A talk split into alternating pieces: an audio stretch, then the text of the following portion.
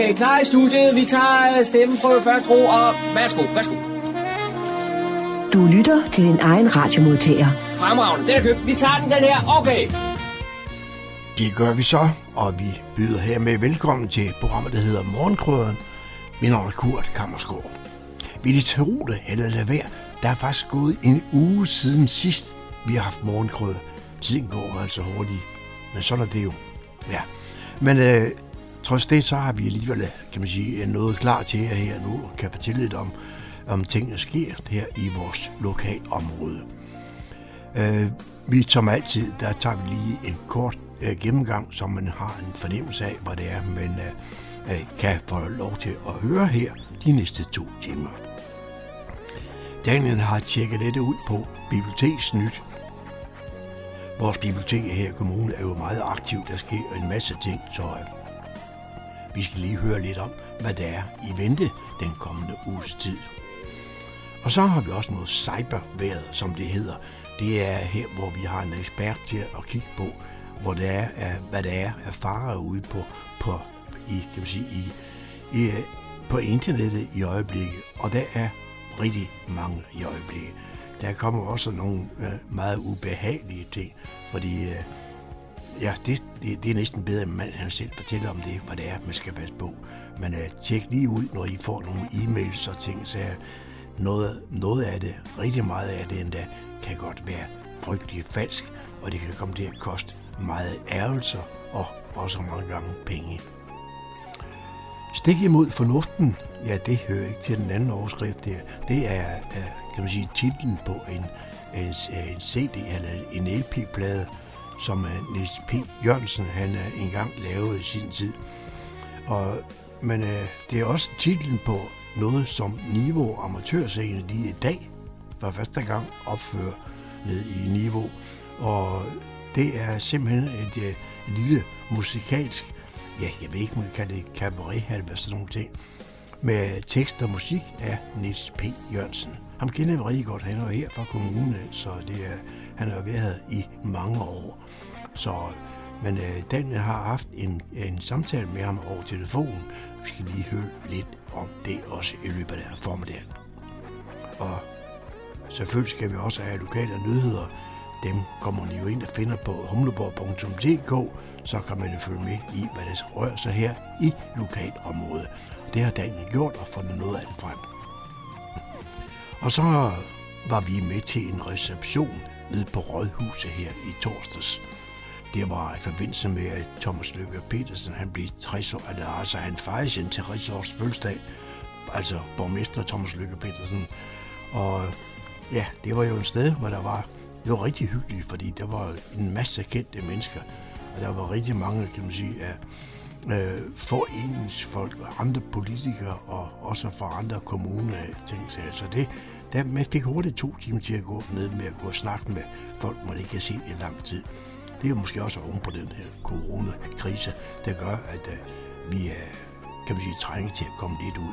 Men i hvert fald, vi var der med nede, og øh, med sådan lidt intimistisk, så fik vi også optaget øh, nogle af de taler, der var. For dem var der rigtig mange af. Der var mange, der havde lyst til at lige sige et par ord. Og derfor var der også blevet lagt, kan man sige, beslag på. De måtte ikke være for lange, fordi alle skulle jo kunne komme til. Det bringer vi her sidste udsendelsen. Der har vi så optagelse af nogle af de taler, der var nede fra receptionen nede på Rådhuset her torsdag. Så jeg har kunnet sige velkommen til. Rigtig god fornøjelse de næste to timer.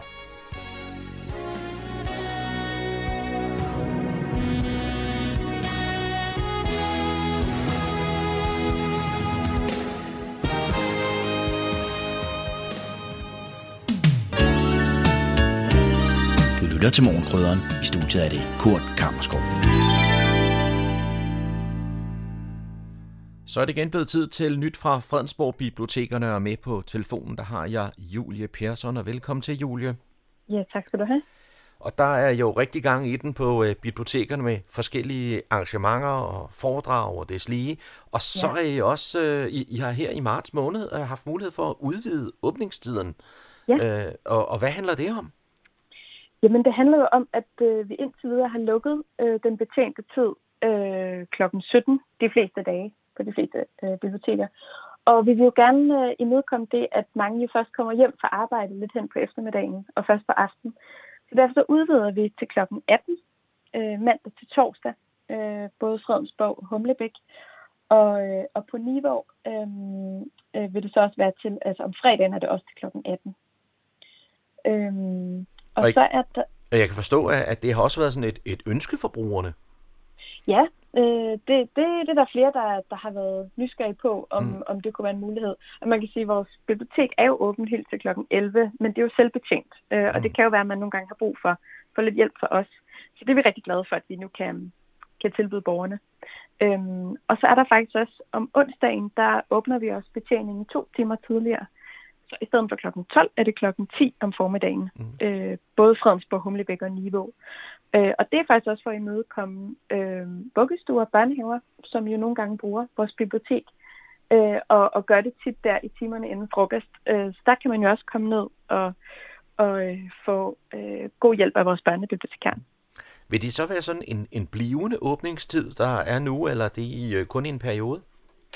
Altså, øh, det, det må tiderne vise. Det er i hvert fald en, som, som det er nu, så, så er det ligesom det, vi går efter. Så må vi se, om der kommer flere justeringer med tiden. Mm-hmm. Og så foregår der jo et øh, væld af faste arrangementer på biblioteket, og her mandag ja. den øh, 7. marts, der har I noget, ja. der hedder Slægtsforskningscafé. Det må ja. du lige fortælle om. Jamen det er noget, der, der sker sådan et par gange, øh, cirka en gang om måneden øh, i løbet af foråret, og det er på Fredensborg Bibliotek. Øh, og det er for alle dem, der, der interesserer sig for, for slægtsforskning øh, på nettet.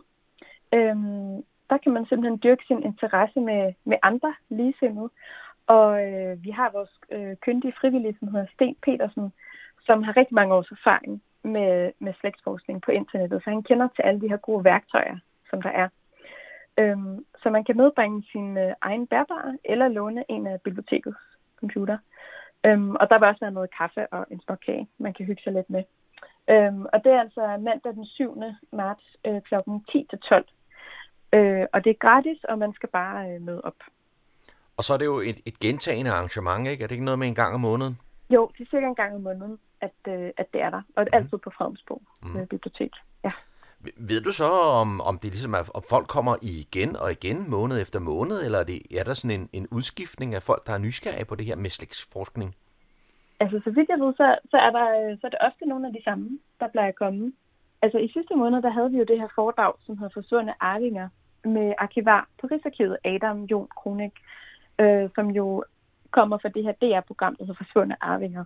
Og øhm, han fortalte om sit arbejde med DR-udsendelsen, og hvordan han finder folks ukendte arvinger, øh, og prøver at løse de her små historiske, familiemæssige gåder, der er.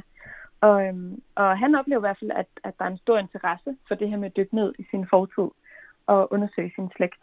Øhm, så det kan jo være, at det også har affødt, at der kommer nye til øh, slægt. Jamen, jeg sidder også og tænker på, at det er jo sådan en, en synergi i, at, at når I laver den slags aktiviteter, så hænger det jo også sammen med noget af det andet, I laver, ikke? Så man har jo, jo tænkt, man har jo tænkt sig om. Ja, præcis. Og vi vil jo gerne også bruge vores arrangementer til at promovere noget af det, der normalt foregår på biblioteket, som er vores faste tilbud. Mm. Ja. Og udover de her faste tilbud, som man jo kan læse om på jeres hjemmeside, og som vi tidligere har, har omtalt i radioen, så er der jo også nogle øh, enkelstående arrangementer. Og ja. der skal vi lige høre lidt om, at tirsdag den 15. marts er der et livestreamet foredrag, igen fra Aarhus Universitet som tidligere, og denne ja. gang er det et, øh, et andet emne. Ja, sidst var det klimaproblematikken, og nu er det ekstrem fordøjelse, det ja. handler om. Øhm, det er dog ikke i menneskekroppen, men det er i dyreverden, øh, hvor, hvor vi blandt andet skal høre om slanger, der kan tage enorme måltider efter lang tids faste. Øhm, så det handler altså om de her ekstreme fordøjelsessystemer, som er rundt omkring i naturen. Øhm, og det er øhm, øh, Aarhus Universitet, som netop øh, streamer det her foredrag, som de gør øh, jævnligt i løbet af, af året. Og øh, man kan komme og, og se med på Fredensborg Bibliotek øh, kl. 18.45 til kl. 21. Og øh, det er gratis, men man skal sørge for at bestille en billet, øh, fordi der er begrænset antal.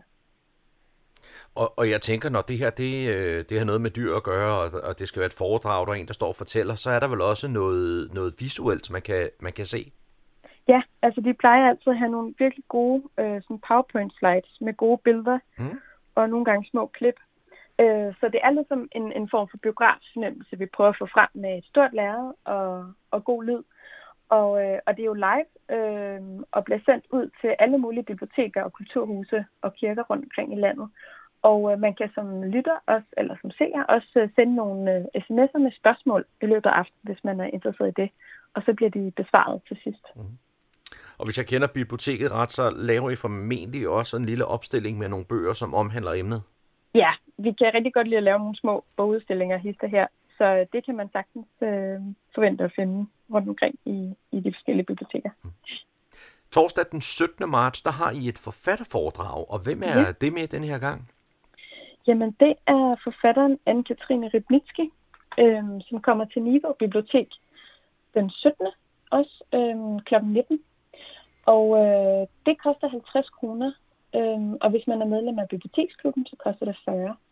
Mm. Og Anne-Katrine Rybnitski, hun har skrevet mange anmelderroste øh, romaner.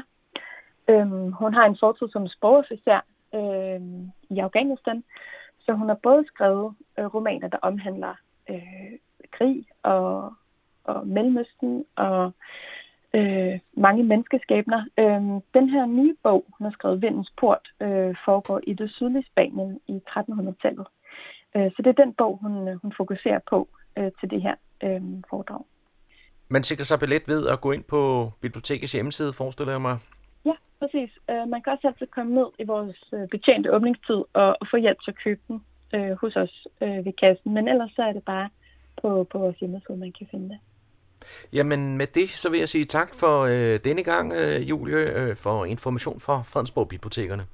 Ja, jamen det var så lidt. Cyberværet med IT-sikkerhedseksperten Leif Jensen. Velkommen til Cyberværet for 9. I denne uge, der kan vi forvente en regulær cyberstorm fra skiftende retninger. Mit navn er Leif Jensen, og jeg har arbejdet professionelt med IT-sikkerhed i snart 30 år. Min viden og erfaring, dem vil jeg meget gerne bruge til at holde dig opdateret om aktuelle hackerangreb, cybertrusler, online-svindel og andet, der vedrører stort set os alle sammen, både privat og ude i virksomhederne. I sidste uge så vi en lang række cyberangreb i Ukraine, og det var jo forventet. Men hvilken betydning har det egentlig for os her i Danmark? Det kommer jeg tilbage til. I løbet af ugen så vi en række DDoS-angreb, som var målrettet såvel banker som myndigheder i Ukraine. Et DDoS-angreb er som fortalt tidligere ikke et egentligt hackerangreb, men derimod et såkaldt overbelastningsangreb. Angrebet betød helt konkret, at flere banker havde problemer med deres hæveautomater, så folk de ikke kunne hæve kontanter. Kort efter DDoS-angrebet identificerede IT-sikkerhedsvirksomheden ESET et ret sofistikeret egentligt cyberangreb, som havde til formål at slette data hos hundredvis af virksomheder og myndigheder. Der var tale om en såkaldt data wiper, som hurtigt fik navnet Hermetic Wiper. Hermetic Wiper udnyttede en såkaldt driver fra et stykke ganske almindeligt og brugt software kaldet ISOS Partition Manager. Nå, men tilbage til, hvad betyder det egentlig for os her i Danmark? Vi kan forvente, at de her angreb de vil sprede sig rundt omkring i Europa, og altså også til Danmark. I nogle tilfælde vil de være målrettet, men i de fleste tilfælde ganske enkelt, fordi dem, der laver den slags angreb, ikke har de store moralske skrubler, og derfor så gør de ikke særlig meget ud af at begrænse skaderne til omfang ved sådan et angreb. Det er også forventeligt, at helt almindelige IT-kriminelle, som tjener rigtig mange penge på blandt andet ransomware-angreb, vil bruge konflikten i Ukraine som en slags røgslør og dermed have lettere ved at gennemføre deres helt almindelige angreb. Vi bør alle være i højt cyberalarmberedskab i den kommende tid. På trods af krisen i Ukraine, så er der stadigvæk fuld gang i de mere almindelige cyberangreb og svindelnumre, også herhjemme i Danmark. Nets oplyser til Forbrugerrådet Tænks app med digitale selvforsvar, at de for tiden er opmærksom på falske e-mails med overskriften besked fra NemID og en advarsel om, at dit NemID vil blive suspenderet inden for 24 timer, hvis du ikke lige indtaster såkaldte nødvendige oplysninger. Det skal du selvfølgelig ikke gøre. Det eneste, du skal gøre, det er at trykke slet mail. Forbrugerrådet Tænk oplyser, at der for tiden udsendes falske sms'er med beskeden. Der blev forsøgt at betale fra en ny enhed. Hvis det ikke var dig, så besøg, og så efterfulgt af et link, man kan klikke på. Det er faktisk ret snedigt lavet, men det er altså en falsk besked, så det eneste, du skal gøre, det er at skynde dig at slette den. Politiet oplyser, at de i øjeblikket er opmærksom på et svindelnummer, som foregår på Facebook, hvor du kan modtage en chatbesked med teksten Hej, kan du give mig dit telefonnummer? Oftest ser spørgsmålet ud til at komme fra en af dine venner. Ifølge politiet, så er dette ofte et tegn på, at din vens Facebook-konto er blevet hacket, blandt andet med det formål at indsamle data samt at finde en vej til at få adgang til NemID login-oplysninger. Modtager du sådan en besked, så lad være med at svare på den. Er den fra en af dine venner, eller ser den ud til at komme fra en af dine venner, så ring til din ven, eller send en e-mail, og så slet beskeden. Husk nu at være ekstra opmærksom i den kommende tid, og sørg for god beskyttelse af din computer og din mobiltelefon. Det var cyberværet for denne gang. Vi er tilbage igen med en ny cyberværetudsigt igen næste uge. Tusind tak, fordi du lyttede med. Uh la la, den kærlighed, der er ligesom noget begærligt ved. Alle de vil patte ved sol. Men der er ingen, der vil dele med nogen. Du, du, ja da, du, du, ja da, du, du, ja da. Det kan ske min fru og mig. Går på galej.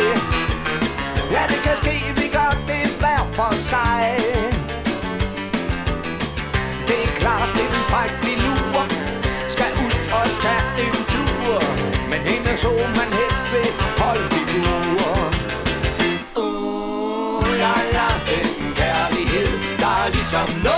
kærlighed Alle de vil pande ved solen men der er ingen, der vil dele med nogen.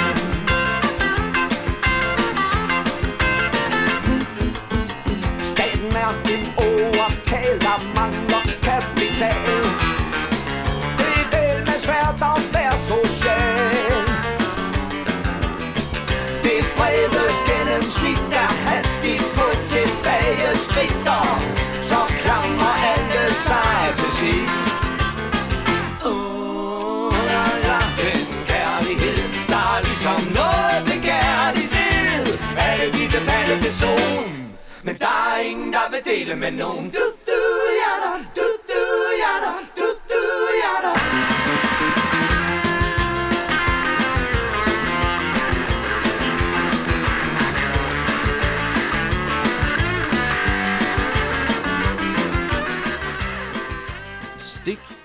fornuften, det er titlen på seneste teaterforestilling, som man kan se hos Niveau Amatørteater, men det er også titlen på et album med Nis P. fra 1982. Og det er ikke tilfældigt. Nis P. han er med på telefonen, og velkommen til, Nis. Tak skal du have. Du øh, har jo en øh, fortid som øh, tekstforfatter og musiker. Nok den mest kendte sang, du har skrevet, det er En lille båd, der gynger, men du har også haft en solokarriere. Og den er der lige pludselig blevet lavet et teaterstykke over, eller hvad? Ikke, din, ikke dig, men din musik? Ja, der var en, et, et hold unge mennesker i, oppe i Niveau, omkring Niveau Amatørteater, som, øh, som fandt, inter, fandt interesse for, for, for det album, der hed Stik imod fornuften, og de, de tekster i særdeleshed, der var på det, på det album der. Ja. Og det var, det varmer jo det gamle digterhjerte, at, der er nogen, der sådan øh, falder over, over, hvad man lavede for en halv livsalder siden. Det, det er jo meget pudsigt, ikke? Altså, men, men, men hvordan havde du det lige der, da de så ringede til dig og, og fortalte, at de ville lave teater over din musik? Nå, ja, altså, jeg ved ikke, hvor- hvordan jeg egentlig havde det, men det, det, var da, det er da altid smirende, at der er nogen, der godt vil, øh, der kan lide det, man har lavet, og bliver inspireret til at, at, at bygge videre på det, havde jeg sagt, for det er jo det, der er tilfældet her. Ikke? Mm. Nu er der premiere her den øh, 6. marts, og forestillingen kan ses i Niveau frem til den 19. marts. Men du har været nede og se øh, forestillingen, forpremieren, og, og hvordan var det? Jamen, øh, det var en rigtig, rigtig fin oplevelse. Jeg havde jo ikke nogen, jeg havde ikke nogen forventninger, øh, og jeg havde ikke nogen forestilling om, hvor det var hen, men, øh, mm. men øh, Apollonia hedder hun, hende, der har skrevet, øh, skrevet stykket. Øh, hun har ladet sig inspirere af teksterne, og så ligesom skrevet, få, få skrevet et stykke om, øh, om, om ung, hvordan det er at være ung mm. så man i dag, og, de, ja. og de problemer, man sådan øh, kan slås med i, i ungdommens år med selvtillid og, og hvad skal man bruge sin tilværelse til. Så selve og, forestillingen øh, af, og dens historie tager udgangspunkt i dine tekster fra, fra det album? Ja, og, og det, er jo lidt, det er jo lidt sjovt, når jeg så ser det i bagspejlet, og nu jeg har set stykket, der handler om, om, om unge mennesker og kammeratskab og, og forholdet til, til voksenverdenen i det hele taget. Mm. Øh, så kan jeg egentlig godt se, at, at de sange er jo, er jo egentlig udsprunget af, af de problematikker, man har øh, omkring sig som ung. Ja. Og øh, jeg var jo også stadigvæk øh, forholdsvis ung, da jeg, da jeg skrev de sange der ja. tilbage i omkring 80. Så, så historien gentager sig lidt øh, den dag i dag? Ja, men så, det er jo, det er jo, tiden er jo, er jo noget, der kører i cirkler. Mm. Og, og, øh, og vi tror jo alle sammen i ungdommens år, at vi har, vi har fundet de vise sten, men det, det gjorde vores forældres generation jo også før mm. os, og deres forældre før dem igen. så, så nu handler det jo så øh, om, om ungdom, ungdomsliv, øh, kærlighed, øh, men også øh, lidt samfundskritiske emner. Der er en af sangene, der omtaler du staten som en åerkal. Ja. Er, er det stadigvæk tilfældet?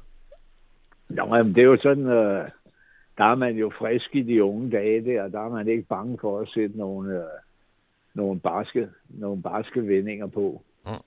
Staten er en overkæl, der mangler kapital. Men det, det, er jo, det er jo sådan, det er, ikke? Jo. Så vi skal alle sammen ja. være med til at betale til, til samfundet. Ja, det er jo, samfundet er jo os alle sammen, men øh, mm.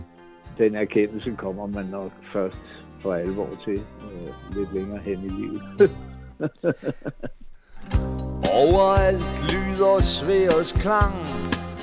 Alle frygter for det store bang. Og tænk, hvis verden pludselig knaldede af Og man så stod helt alene tilbage. Så kald mig tøse, dreng og pjok Men hvis vi absolut skal have Ragnarok så håber jeg, at de gør det godt. Og en gang for alle blæser kloden til skråt. Det er stik, stik mod fornuften. Men jeg er faktisk lige glad Om de springer os i luften. Hvis vi bare følges ad. Hvis vi bare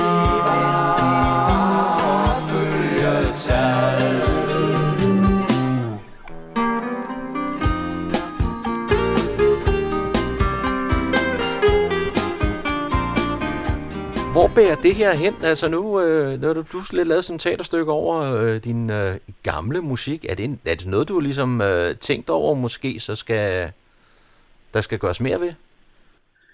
Uh, ikke sådan nu, ikke sådan umiddelbart fra, fra min side, så mm. har jeg jo ikke længere, det skal, jeg skal jo være ærlig, nu fylder jeg 72 her om, om 14 dage, så jeg har jo ikke længere de, de, de der meget store ambitioner omkring min musik. Men du har ikke øh. tidligere tænkt, at din musik kunne have sådan en teatersammenhæng? Jeg, jeg har gået i, i, i 30-40 år med, med den idé, at på et eller andet tidspunkt, så skulle jeg stykke noget sammen til en musical. Ja. Øh, og, men altså igen, jeg har ikke det energiniveau øh, mere, som der skal til for at, arbejde med den slags, men jeg kunne da håbe på, at der måske var nogle andre, der, Mm. der, der kunne finde på noget.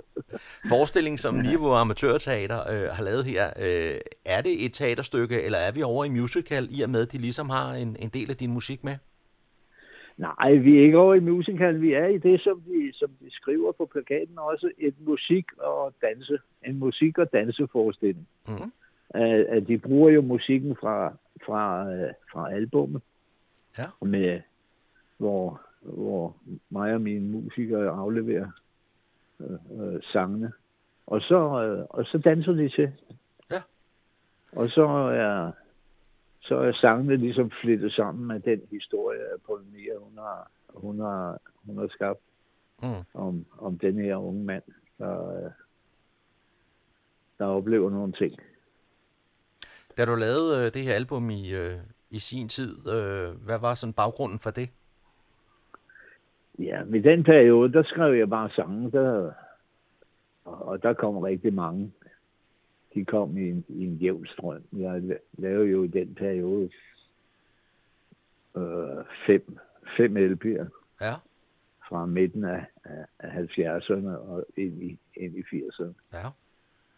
Det var Og- dengang, man øh, også skrev mange øh, politiske sange, ikke?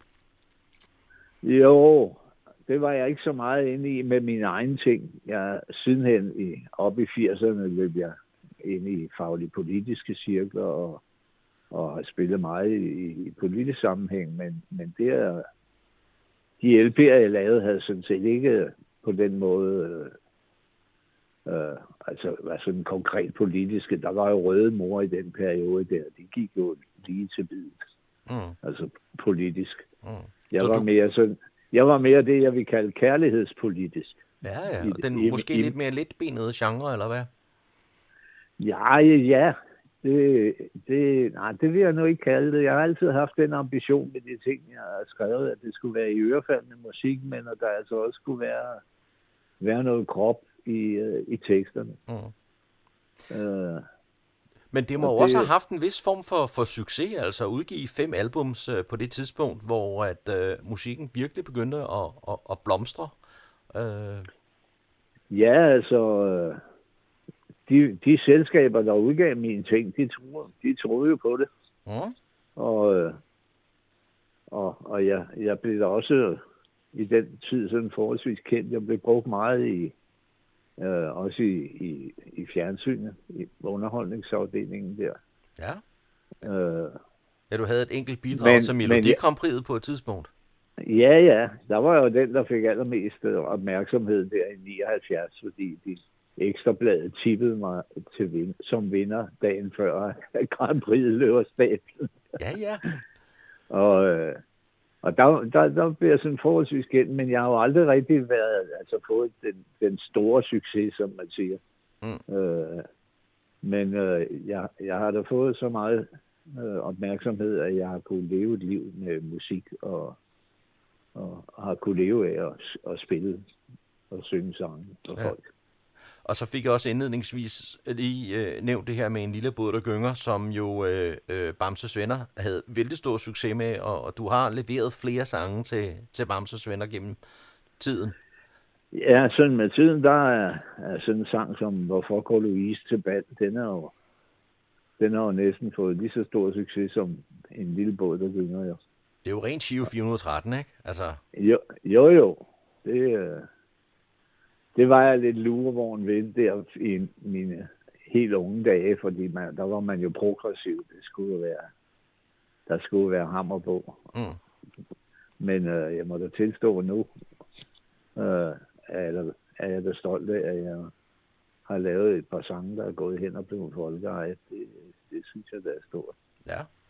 Du er ikke så aktiv mere med at, at lave musik, men alligevel har jeg fornemmelsen af, at, at du øh, stadigvæk går og skriver lidt, øh, blandt andet sammen med Kim Svarts. Ja, men han er, jeg har jo gået hen og fået en, en, en, øh, en kreativ legekammerat i, i Kim Svarts. Mm. Uh, han har, som jeg oplever det, han har gaven. Han har en fantastisk god øh, stemme. Og, øh, og han er meget kreativ, og, og vi øh, spiller en god pingpong øh, Mm. omkring har lavet, skrevet nogle, nogle numre sammen og sådan, så det er... Så musikken er ikke lagt helt på hylden endnu? Nej, nej. Jeg har også jeg udgav en, en af mine, hvad jeg synes selv er en af mine bedste sange her for et par år siden. En, der hedder Tankepost. Mm. og jeg går der og pusler med et nyt nummer, der kan nok kommer inden så længe.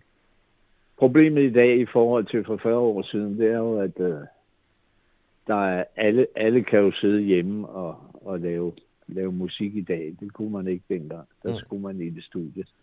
Men alle kan jo sidde hjemme i dag og lave musik, og alle kan selv lægge det ud på de, til de øh, digitale platforme, der findes. Øh, og det gør jo, at øh, det er nogle andre præmisser i forhold til at, at få sine ting spillet i, i, i radioen, og i det hele taget komme igennem med det, man laver. Der er rigtig mange om budet. Der er rigtig mange ombud. Øh, der for 40-50 år siden, jamen, der skulle man altså ind over et pladeselskab, hvor der sad nogen og tog stilling til, om de mente, der, mm. der var substans og, og mulighed for at sælge det, ikke mindst. Og der har du været, det har du prøvet. Det har jeg prøvet, ja. Og det bliver simpelthen brugt igen og igen, altså og her i senest sammenhæng med, med Niva Amatørteater. Ja, men det er herligt. Jeg, Jeg vil også synes, høre, altså, det- ja, jeg synes, det er, det er et rigtig fint stykke, de har fået strikket sammen der. Mm.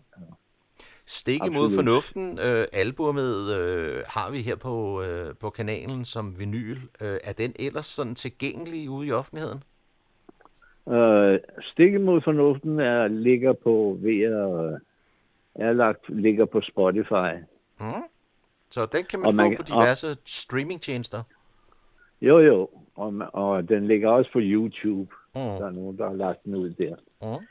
Men man kan så også finde en, en LP, øh, eller et, nu kalder det en LP, et album, som øh, jeg udgav i, for 10 år siden, i 2012, Mm. Der hedder Nis Pisbands Back, nu, nu med teleslynge. Ja.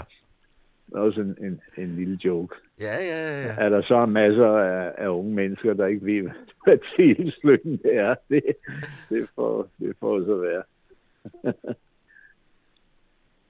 Jeg bemærkede også, at øh, du var lidt aktiv her i forbindelse med, at øh, de radikale havde sådan lidt øh, krise omkring øh, øh, en, en, en sag med en formand og noget øh, med en hånd på et lov. Så en af de her numre, som er på albummet Stikke mod fornuften, hedder Dit lov mod mit.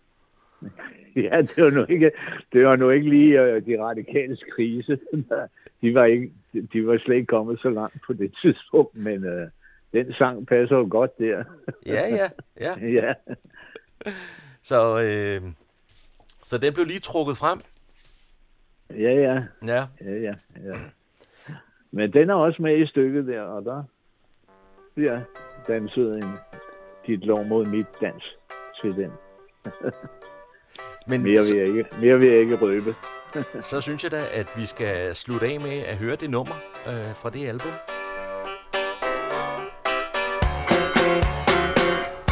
Jeg husker tydeligt aller første gang Da jeg for alvor hørte englesang. Du skulle i biffen, og det samme skulle jeg. På sidste række blev du lummer på mig. Jeg var forvirret, skulle vist til at gå.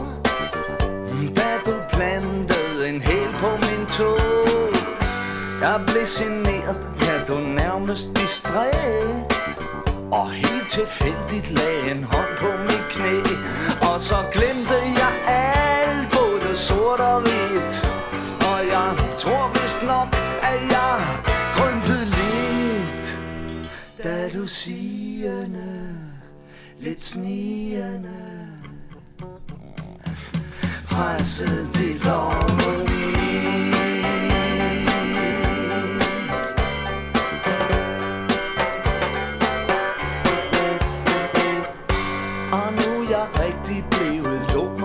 slam Jeg går og tænker kun på det hele dagen. En daglig dosis og en skål med vand. Så jeg er tilfreds i mere end en forstand. For alle kæmpe problemer bliver små. Når du nænsomt nuller min tog Og jeg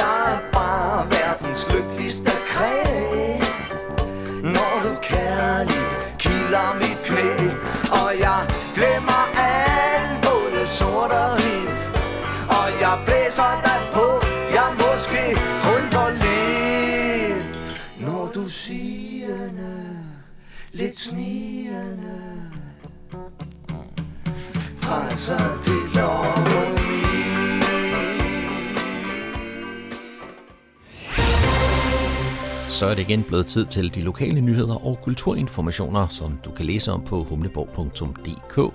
Bag mikrofonen er det Daniel Jørgensen. Alle er berørte af den tragiske situation i Ukraine, og Fredensborg Kommune vil, som kommune, hjælpe alle de steder, hvor det er muligt.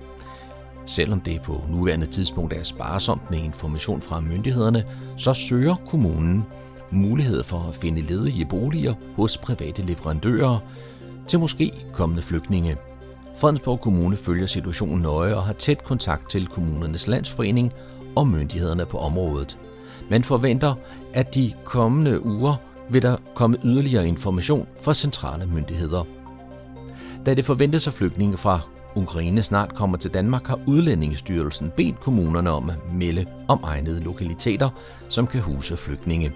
Fredensborg Kommune vil blandt andet også undersøge mulighederne for at finde ledige boliger hos private leverandører. Derudover hører man også gerne fra borgere og eller foreninger, der har ledige lokaler. Man kan kontakte kommunen via en sikker mail på adressen beskæftigelse Skriv venligst hjælp til flygtninge fra Ukraine i emnefeltet og send ikke personfølsomme oplysninger. Tradition tro arrangeres fakkeltog for at ønske hendes majestæt dronningen en dejlig tid på Fredensborg Slot.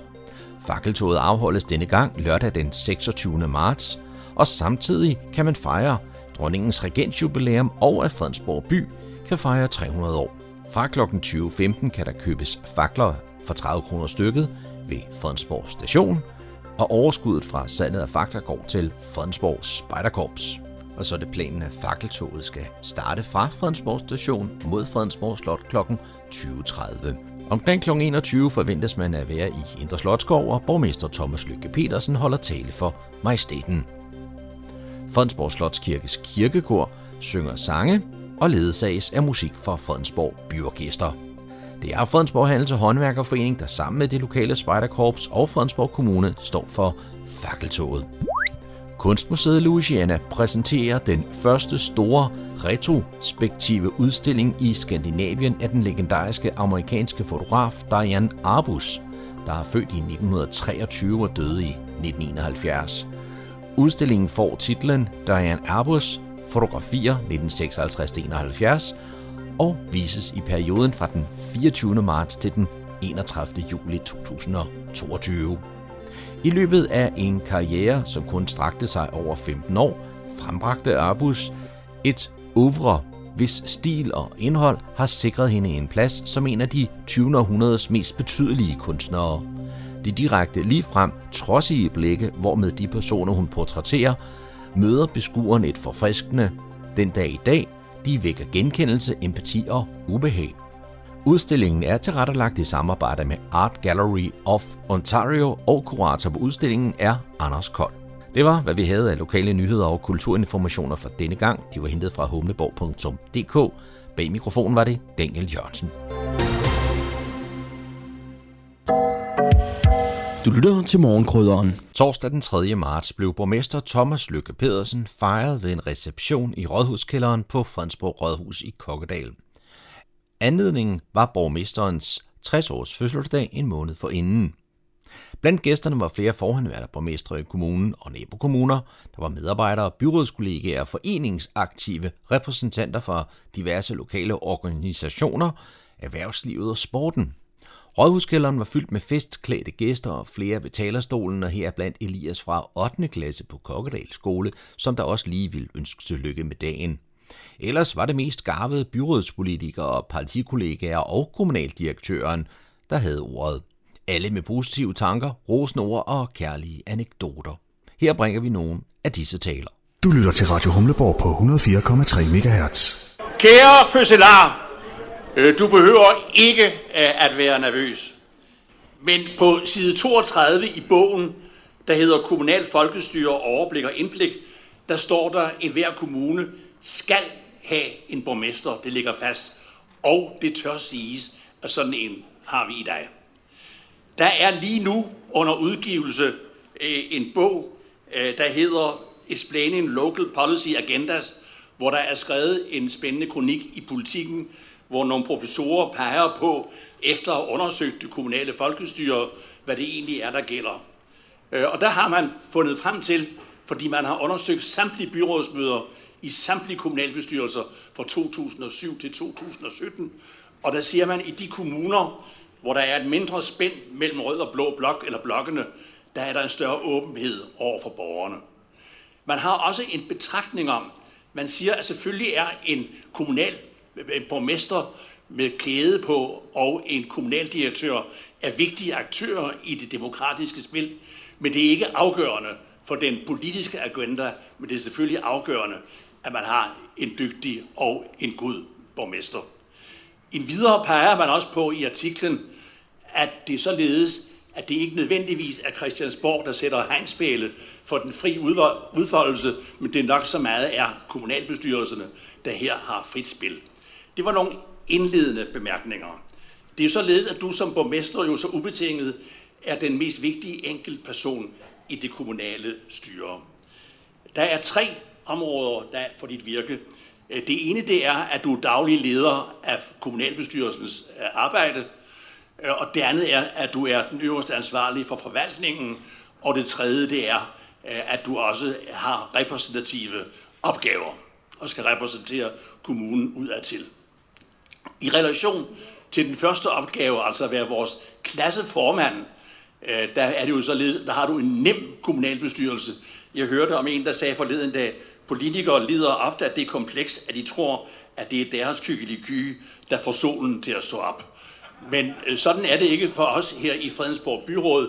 Vi er beskidende folk. Men du leder klassen på en formfuldendt måde.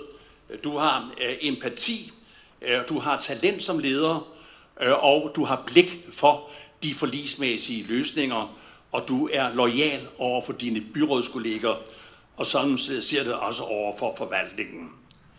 Du er menneskelig retlignet, retlignet, og du er i besiddelse af personlig integritet i dit virke som vores klasseformand.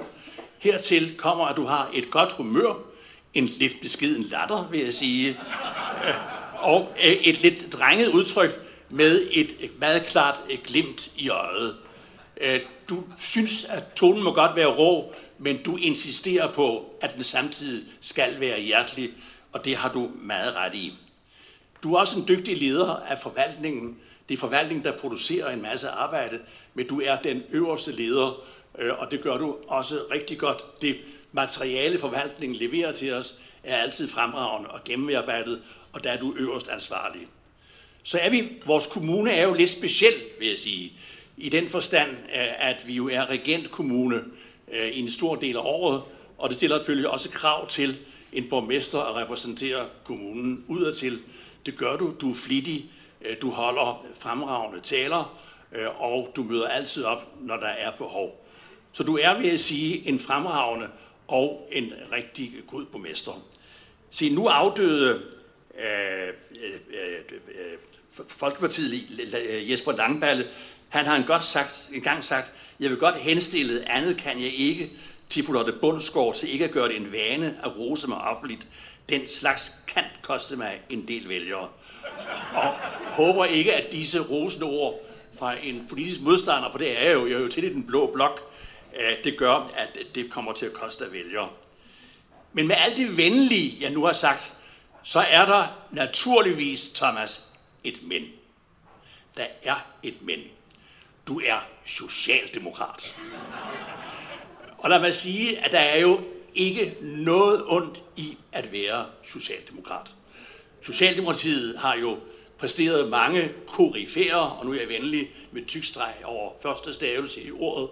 Lad mig nævne Torvald Stavning, lad mig nævne H.C. Hansen, øh, Hans Hedtoft og så også vores egen Per Frost, Øh, og også andre, der står her. Jeg ser også Lars E. Christiansen, der er tidligere borgmester, er også koryfærer, og Socialdemokratiet har også lagt hele grundlaget for øh, vores øh, velfærd, øh, og har gjort det på en udmærket måde. Men det er jo således, at selvom du er en god borgmester, ja, så er det jo også ret oplagt, øh, at man jo som borgerlig også går for at få en borgerlig borgmester.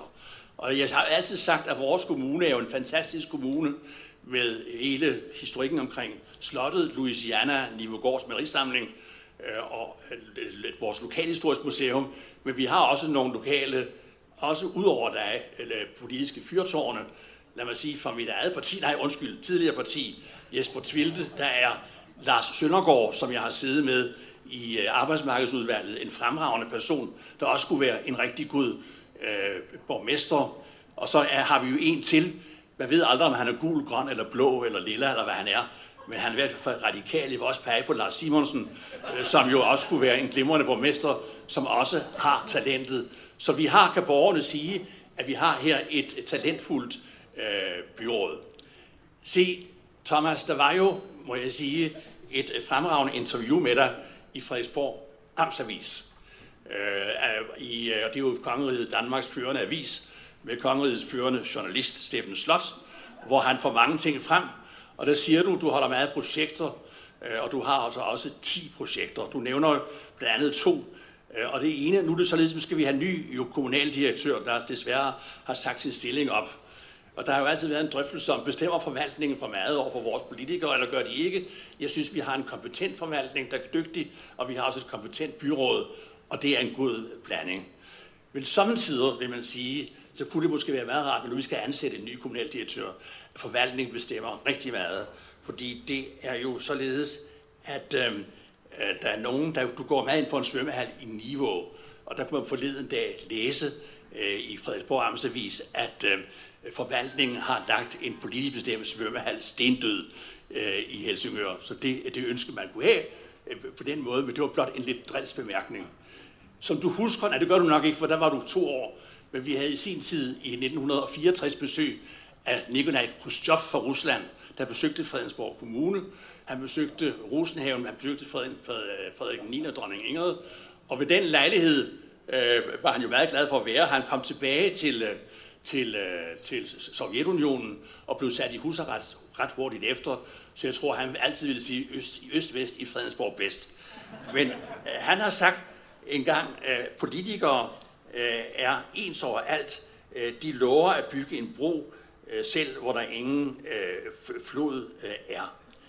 Øh, og der er det jo således, at, Thomas, at du lover at bygge en skihopbakke i Fredtoften af olympiske dimensioner, der gør Holmenkollen minder om et lille skur ved siden af, hvor der ikke er et minde om et sneflug. Til disse lette øh, politiske drilske bemærkninger skal jo ikke gøre, at jeg ikke vil sige andet end, at du gør det aldeles fremragende øh, som borgmester, som jeg også har sagt. Jeg kan ikke lade være med at sige, på det helt personlige plan, at det jo således, at du og jeg jo øh, har øh, mødtes øh, for seks, i 2006, da John Hemming havde riddermiddag. Og du og jeg fandt meget hurtigt sammen i et meget mundret lag. Der sad en ganske intelligent kvindelig præst mellem os, som der gik ild i hende, og vi tog os hurtigt var vi islukker og tog os ikke lang tid om at gøre det, hvad man kunne have været fristet til, så flot var hun. Men, med, med, med, dans, med dansvand. Men det har altid været hyggeligt, så du er også en rigtig god ven. Det synes jeg også, jeg her ved den lejlighed øh, vil sige dig tak for. Jeg synes også, du holder dig godt. Jeg kom til at tænke på den guddommelige historie for nogle år siden, hvor Scarlett Johansen hun blev udnævnt til årets babe. Øh, der stod der i politikken, ja, selvom hun er blevet 26 år, så holder hun sig stadigvæk godt. Øh, og, og, og det, det, gør, det gør du også. Se, det man kan sige også, når det er en 60-årsdag, hvor vi nu skal hylde dig, så er der vel to ting, du også kan være glad for, at du har jo sådan set to lykker i dit liv. Du har din kærestelykke, I udgør et fint øh, par, og derudover så har du din datter, Sara Lykke, som nu er kommet ind i byrådet. Øh, det må være jo rigtig stort, sådan en dag som i dag og hvad er højst, vi lykker et Mount Everest eller Tordenskold. Jeg vil sige, lykke, lykke og er der lykke, lok, lok og er der lok. Rigtig hjertelig tillykke med fødselsdagen. Men se, Inden jeg nu slutter af med et hurraråb, så er det således, at min med viceborgmester kollega Lars Søndergaard, bistået af kommunaldirektøren, nu vil overrække byrådets gave til dig. Jeg vender tilbage med hurraen.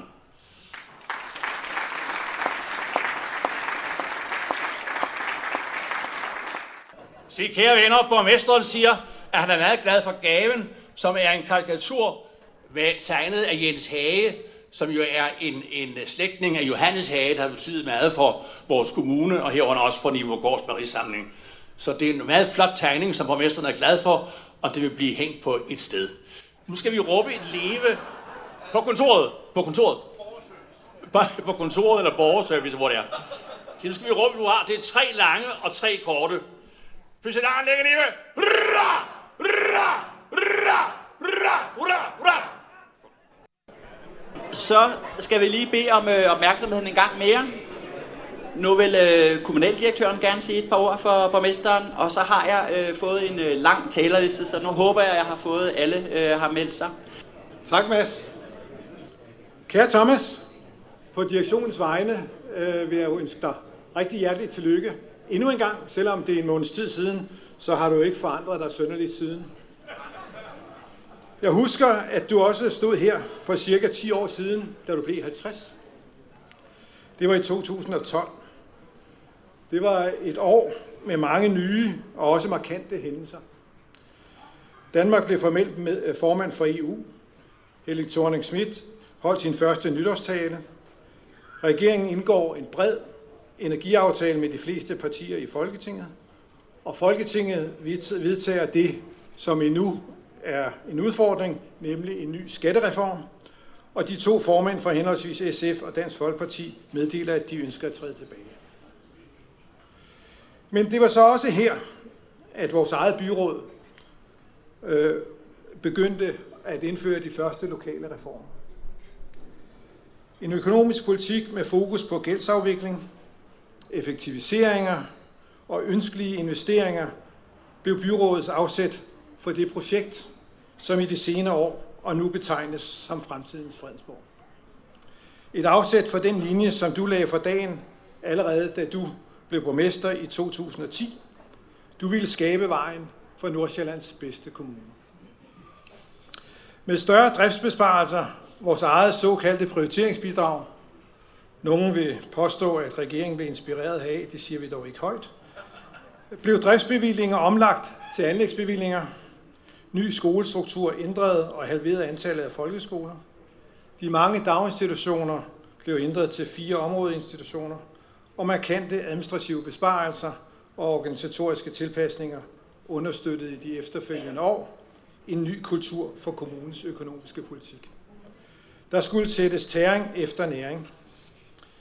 En ny Fredensborg skole, et nyt Humlebæk Idrætscenter, et nyt Gymnastikens Hus, et nyt Egedal Kulturhus, byfornyelse i Kokkedal, større investeringer i, i udviklingen af folkeskolerne, samt grundlaget for de kommende store byfornyelsesprojekter i de alle fire bysamfund, er alle eksempler på, hvad vi nu kunne, og hvad der er sket, siden du blev 50. Samtidig er kassebeholdningen i dag ca. 200 millioner højere.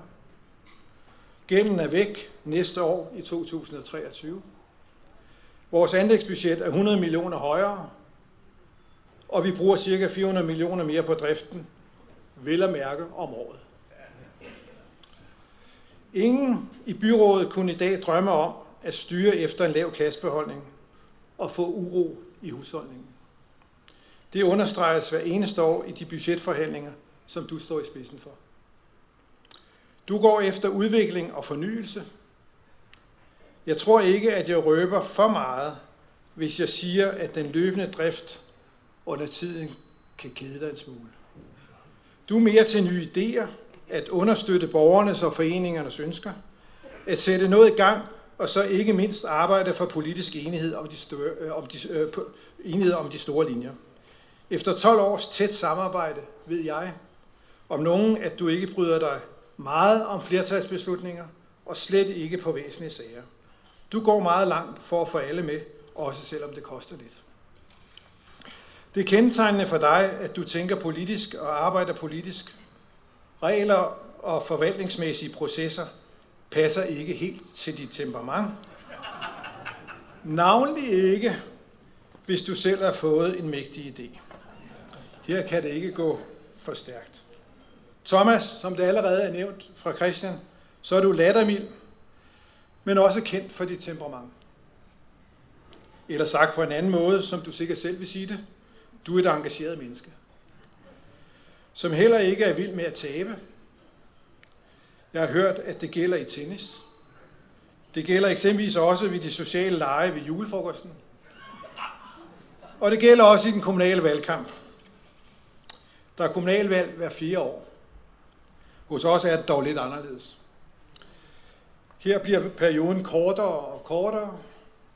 Det så vi senest i 2021, hvor din ufrivillige slankekur, cirka 10 kilo, startede meget tidligt, nok også, og kulminerede nok også for tidligt. Du var kampklar. Du var veltrænet fra det meget tidlige forår. Jeg ved ikke, om I kan forestille jer en trænet, en veltrænet bokser i et ringhjørne uden modstandere. Det giver sådan et vist tomrum, en stor utålmodighed og usikkerhed om, hvornår de strategiske slag skal slås. Måske også i overført betydning, lidt som en løve i bur. Men datoen for kommunalvalget 21 indfandt sig den 16. november 21. Du var velforberedt, og den 1. januar 22 kunne du sætte dig til rette for endnu fire år i borgmesterstolen. Stort tillykke med det. Og så er du altså ved at tage lidt af kiloene på igen. Jeg er tilbage i kampform. I direktionen og i kommunens organisation glæder vi os til det videre samarbejde med dig, og ser frem til, at kommunen de næste år skridt for skridt når de mål, som byrådet med dig i spidsen har sat sig for. Nordsjællands bedste kommune er lige om hjørnet. Så endnu en gang, Thomas, rigtig hjertelig tillykke med de 60. Og vi vil øh, på, eller jeg vil på direktionsvejene bede alle om et udfoldet trefoldigt hurra for Thomas. Thomas længe leve! Hurra! Hurra! Hurra! Nu kommer der øh, øh, tre taler i, øh, i træk her, uden I får nogen øh, talepause ind imellem. Men vi starter med øh, formand for Socialdemokratiet og øh, formand for vores børne- og skoleudvalg, Per Frost. Værsgo, Per. Mange tak for ordet. Kære Thomas, hjerteligt tillykke med fødselsdagen. Du holder dig godt, selvom 12 gode år som borgmester for Fredensborg Kommune, der også har sat sine spor. Synlige spor. Selvfølgelig, fordi du er jo ikke kommet sovende til alle de succeser, der har været. En stort blandet og broget byråd på 27 mandater er ikke enig fra morgen til aften, hvis nogen skulle tro det.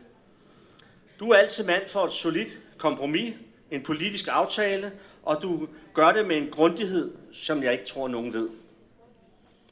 Jeg kender ingen, der forbereder sig så grundigt til et konstitueringsmøde på valgnatten som dig, Thomas.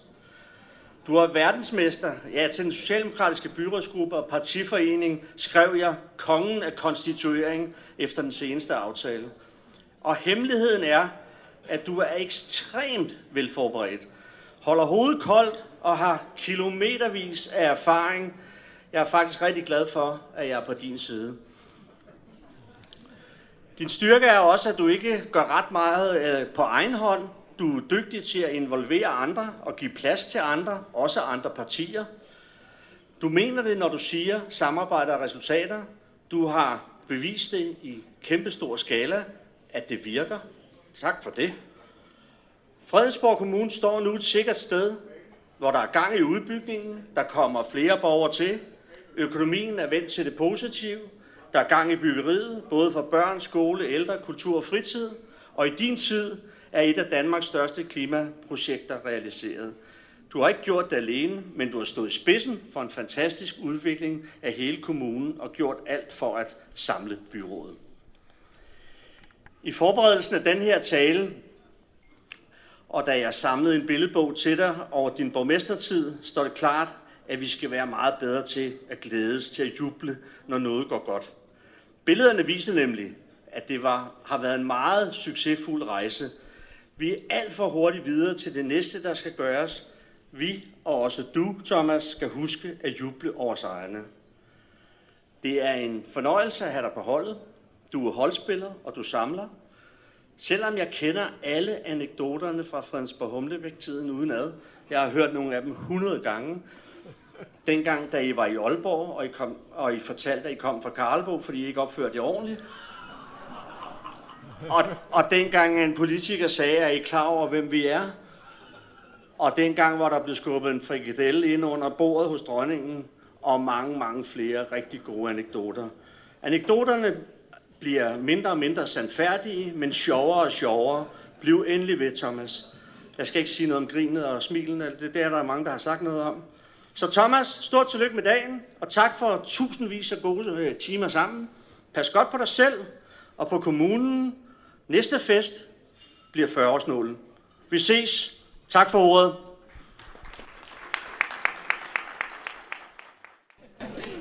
Kære borgmester, du kender nok ikke mig. Øh, jeg hedder Elias og kommer fra 8. B på Kokkedal skole. Øhm, og jeg vil egentlig bare gerne sige øh, stort tillykke med fødselsdagen. Øh, øhm, og tusind tak for alle de midler, du sætter af til alle os unge. Øh, og jeg vil bare gerne sige tak, tak for det. Ikke? Øhm, ja, igen, stort tillykke.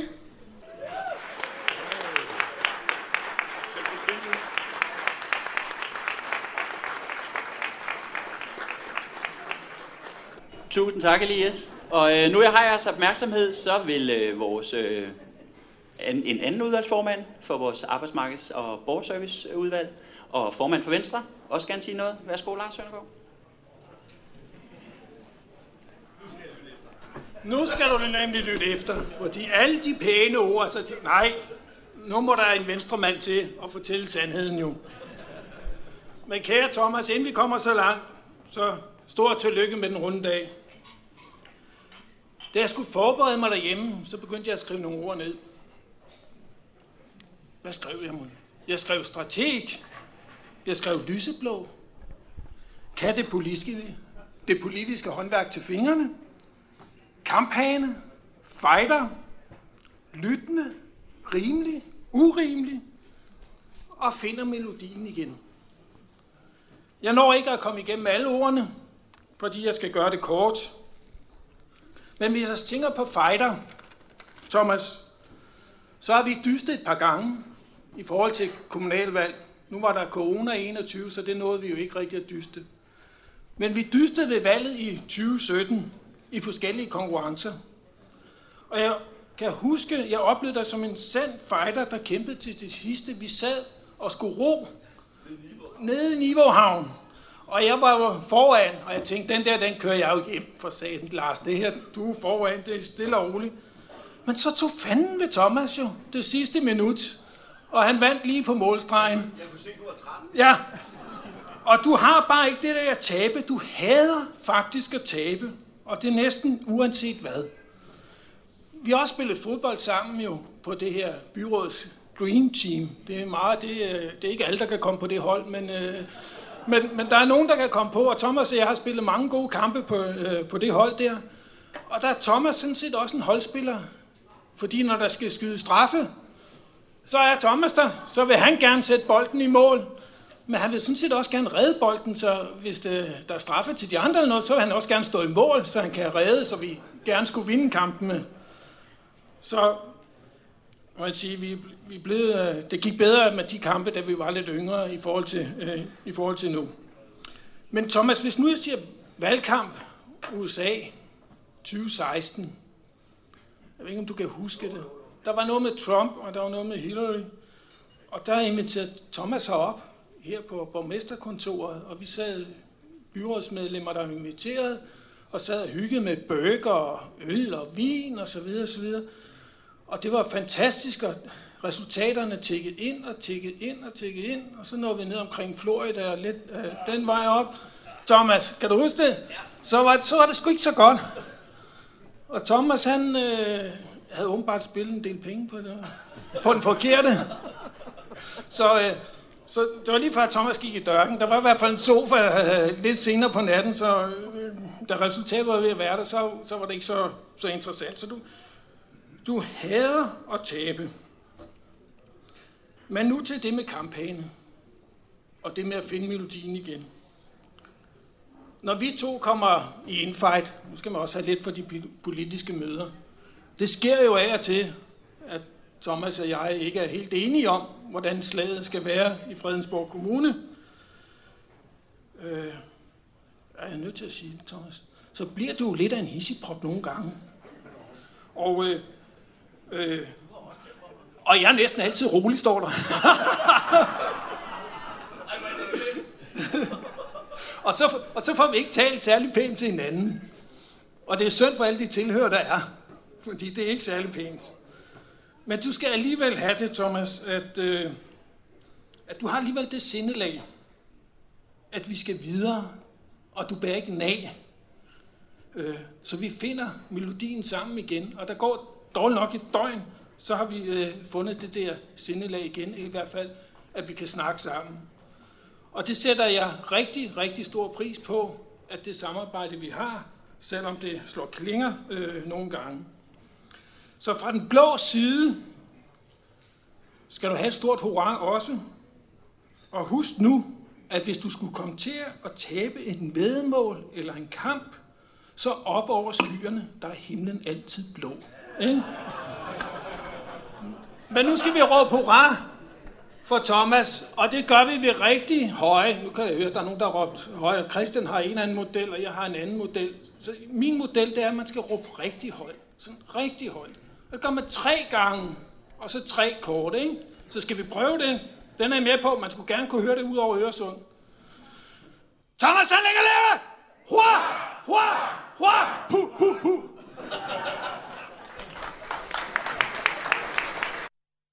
Kære Thomas, jeg håber, at øh, I tilgiver, øh, at jeg starter med en øh, meget kort oplæsning. Det er uddrag øh, fra Johannes V. Jensens Den Lange Rejse. Det er jo ikke for sjovt, jeg har været kulturudvalgsformand, som det lige blev nævnt i 4 eller 25 år. Inden mørket øh, falder på, har manden samlet flokken og holder den samlet, til natten virkelig falder på. Man knyer lidt, øh, men må endelig give den gamle ret. Snart melder søvnigheden sig, og man siger, ingen har noget imod at sidde i klumpen nu. Tværtimod søger alle og enhver at bore sig så langt ind i den som muligt. Held den, der er mest i klemme og bliver mest trykket. For den, der er yderst, tager katten. Alene det at sidde med den bare ryg ud mod det fri er en ulidelig fornemmelse. Og nu går man så natten i møde. Den er lang og redselsfuld. Ingen af staklerne forestiller sig fra nat til nat, hvor redselsfuld den er. Man skælver og gemmer hovederne hos hinanden, sover i små anfald og igen vågen og hører skrækkelige ting, og der sker skrækkelige ting. Når dagen endelig bryder frem, men det var evigheder, er stammen som oftest blevet øh, noget øh, mindre. De yderste i klyngen har måttet skatte til mørket. Rovdyrene har været der. Aller inderst sidder manden, og når flokken skriger i anledning af et overfald, er han ikke den, der skriger mindst. Han har jo den største stemme af uhyre omfang og klangfarve. Den skræmmer meget væk. Det er jo fascinerende, men også tankevækkende, at han øh, ganske vist uden at vide det, Øh, her har leveret en malende beskrivelse af byrådet i Fredensborg anno 2022. Tanken falder uværligt for mit eget vedkommende på den netop overstående kaotiske konstitueringsnat. Men måske herskede der i realiteten de samme men, mellemmenneskelige relationer, øh, nu som for mere end 10.000 år siden. Dengang under den smeltende brev, og en flok omstrejfende jæger øh, skuttede sig. Den sociale tryghed har mange ansigter, også i byrådet. Manden i det smitte bliver nu endelig voksen, for i dag er det jo dig, Thomas, det handler om. Enkelte vil sikkert viske, at det holdt hårdt at nå så langt, men øh, min erfaring siger mig, at det næsten sker helt af sig selv. Kære Thomas, du har tilbragt mange år i flokken. For 12 år siden fik du dig anbragt i midten. Klumpen uden om dig vil gerne ønske dig tillykke øh, med dagen. De næste fire år kan rovdyrene ikke nå dig, men på et tidspunkt vil du måske fornemme, at det beskyttende tryk omkring dig lettes. Du vil høre visken og mumlen, der varsler, at man ikke kan blive siddende der i den trygge midte til evig tid. Det er jo også den menneskelige natur, at vi søger høvdinge, der ligner os selv. Så. Men al den her snak fra ursuppen er politisk. Din fødselsdag er jo et anderledes privat anlæggende. Og det er i bund og grund den begivenhed, vi er samlet for at fejre i dag. Lad os bryde den sammenfiltrede klump af politikerkroppe op, og sammen med de mange gæster fejre, at du, Thomas, nu våger dig ind i de øh, helt voksnes rækker. Så sving bare det røde slips om i nakken. Øh, det kan jo også efterlade et indtryk af medvind. Og lad bare din smittende, rungende latter husere i det perfekte øh, kontorlandskab her på Rådhuset. Det gør det hele lidt mere menneskeligt. Så endnu en gang rigtig hjertelig tillykke, og glem ikke, at alder trods alt kun er en digital angivelse af summen af ens livserfaringer. Tillykke, Thomas. Ja, ja, så blev jeg 60. Det er rigtigt sådan. Se, øh, jeg vil gerne starte med at sige en øh, stor tak til øh, Fredensborg Byråd, fordi de afholder denne reception for mig. Tak til første og anden visborgmester Christian de Jonker og Lars Søndergaard, og ikke mindst tak til vores kommunaldirektør Kim Herlev Jørgensen. Tak til mine gode arbejdskollegaer her på Rådhuset, som har planlagt og arrangeret denne reception. Ikke mindst min sekretær, Birgit Lysgaard, og også tak til Mads, som har været en god øh, konferencier. Øh, tak til køkkenet for den gode mad. Tak til Peter, som har stået for musikken. Og skal vi ikke lige give dem alle sammen hånd, det synes jeg.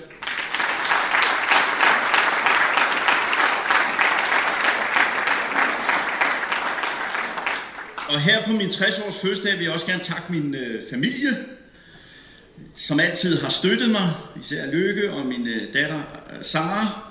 Mine forældre kunne desværre ikke være her i dag på grund af sygdom. Dernæst vil jeg jo gerne takke alle de gode taler. Meningen var jo, at jeg lige skulle notere mig, hvis der kom nogle giftigheder. Det, det blev papiret er simpelthen for lille til det. Men jeg vil gerne sige tak for de humoristiske taler, og tak for de pæne ord. For jeg synes også, at det er vigtigt sådan en dag som i dag at konstatere, at vi jo i Fredensborg Byråd har et fantastisk godt samarbejde. Nu forestår der jo de næste fire år store anlægsopgaver. Vi har fire byudviklingsprojekter med videre, og det er meget store opgaver, vi skal, vi skal, vi skal gå i gang med. Se, øh, jeg har altid haft den holdning, at man skal være positiv, og det øh, synes jeg også i de år, jeg har været borgmester, at jeg har forsøgt. Der har selvfølgelig også været dårlige dage, men der har været flest solskinsdage. Det har været en lang rejse, siden jeg blev borgmester, og, og det er jo nævnt, at vi bliver gældfri til næste år. Fredensborg Kommune bliver gældfri. Det er der kun fire andre kommuner, der er i Danmark. Vi har gode trivselsundersøgelser, både hos vores medarbejdere, men også hos brugerne og hos borgerne. Øh, og jeg vil også i den sammenhæng gerne takke de mange frivillige, vi har i den her kommune. Vi har over 130 foreninger. Mange tak til dem, og ikke mindst til den spanske forening også. Tak for sammen. Øhm, og de frivillige gør jo en fantastisk stor indsats hver evig eneste dag for at skabe værdi i Fredensborg Kommune. Tak til alle jer, der er mødt op her i dag. Mine gode arbejdskollegaer, tidligere arbejdskollegaer, politikere, samarbejdspartnere, gode venner og mange, mange flere. Det skal I have tak på. Det har glædet mig meget, at I, I er mødt op her. Det sætter jeg virkelig stor pris på. Og ikke mindst tak for de mange flotte gaver. Tak skal I have alle sammen.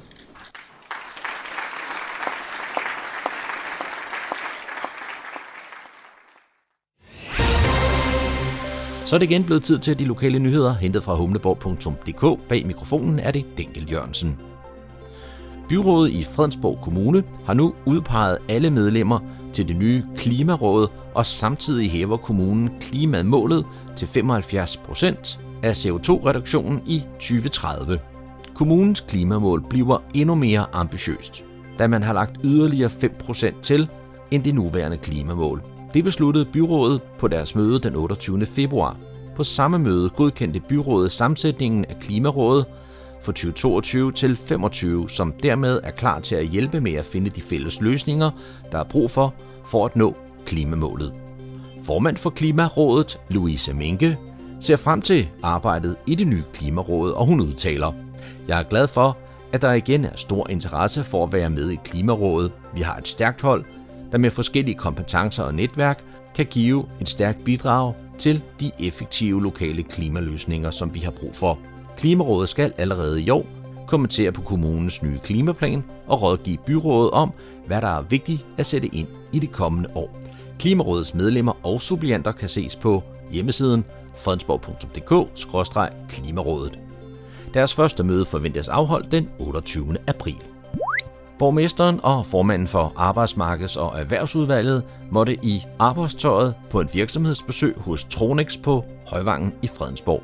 Tronex laver print med stor præcision og høj kvalitet, og det kræver blandt andet, at medarbejderne og besøgende er iført særlig beklædning og skoovertræk. Det virker autentisk, så borgmester Thomas Lykke Pedersen og formand for Arbejdsmarkeds- og Erhvervsudvalget Lars Søndergaard måtte trække i arbejdstøjet under besøget hos Tronex. Der blev hils på direktør Jan Storgård samt ejer og tidligere direktør Stig Nielsen, som nu er teknisk salgsdirektør og medlem af bestyrelsen. Den nye organisation giver virksomheden mulighed for at styrke de strategiske blik og arbejde endnu mere målrettet mod nye kunder og markeder og ikke mindst rekruttering. I forbindelse med besøget udtaler Thomas Lykke Petersen, der bor heldigvis mange kompetente og kvalificerede folk i Fredensborg Kommune og Nordsjælland, så jeg håber, at Tronex kan finde deres medarbejdere her. Men vi ved godt, at der er rift om de dygtige medarbejdere, og der ofte skal gøres en ekstra indsats, når ledigheden er helt i bund som nu. Salgsdirektør Stig Nielsen udtaler i samme forbindelse, i kraft af vores nye organisering kan vi også styrke indsatsen for rekruttering, hvor vi har en stor udfordring, ligesom mange andre virksomheder. En af vores store indsatser sker i et godt samarbejde med Fredensborg Kommune, der også er en del af Nordsjællands rekrutteringsservice i samarbejde med en række andre nordsjællandske kommuner. I dag kører der S-tog mellem Hillerød og København. De fleste kan ikke huske andet, men togene på Nordbanen, som den hed, blev først elektriske i 1968, og der har kørt tog på strækningen siden 1864. Kom og hør John Paulsen, der fortæller den spændende historie om Nordbanen. Det er på Nødbro Kro, onsdag den 16. marts kl. 19.30. Navnet Nordbanen overlever i dag mest i forbindelse med Lille Nord, altså lokalbanen, der kører mellem Hillerød og Helsingør og igennem Fredensborg. Nordbanen var helt frem til begyndelsen af 1930'erne den samlede jernbanestrækning fra København til Helsingør via Hillerød. I foredraget på Nødebro Kro kan man høre om tiden, hvor Europas kronede hoveder rejste med Nordbanen for at besøge Europas svigerfar Christian 9. på Fredensborg Slot, om de mere jævne rejsende, for hvem banen skabte adgang til skov og strand. Billetsalget foregår på hjemmesiden nødebo-kro.dk. Det var, hvad vi havde af nyheder og lokale informationer for denne gang. Det var hentet fra humleborg.dk. Bag mikrofonen var det Daniel Jørgensen.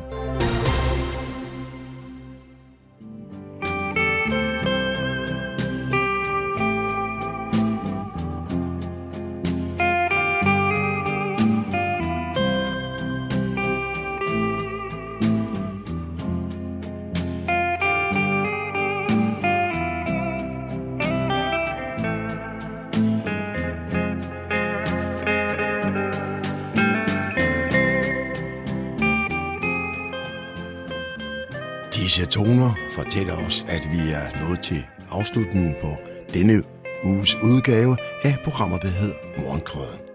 Her fra redaktionen, som består af undertegnet, jeg hedder Kurt Kammersgaard. Ja, der siger jeg tak for nu, og på genhør en anden god gang.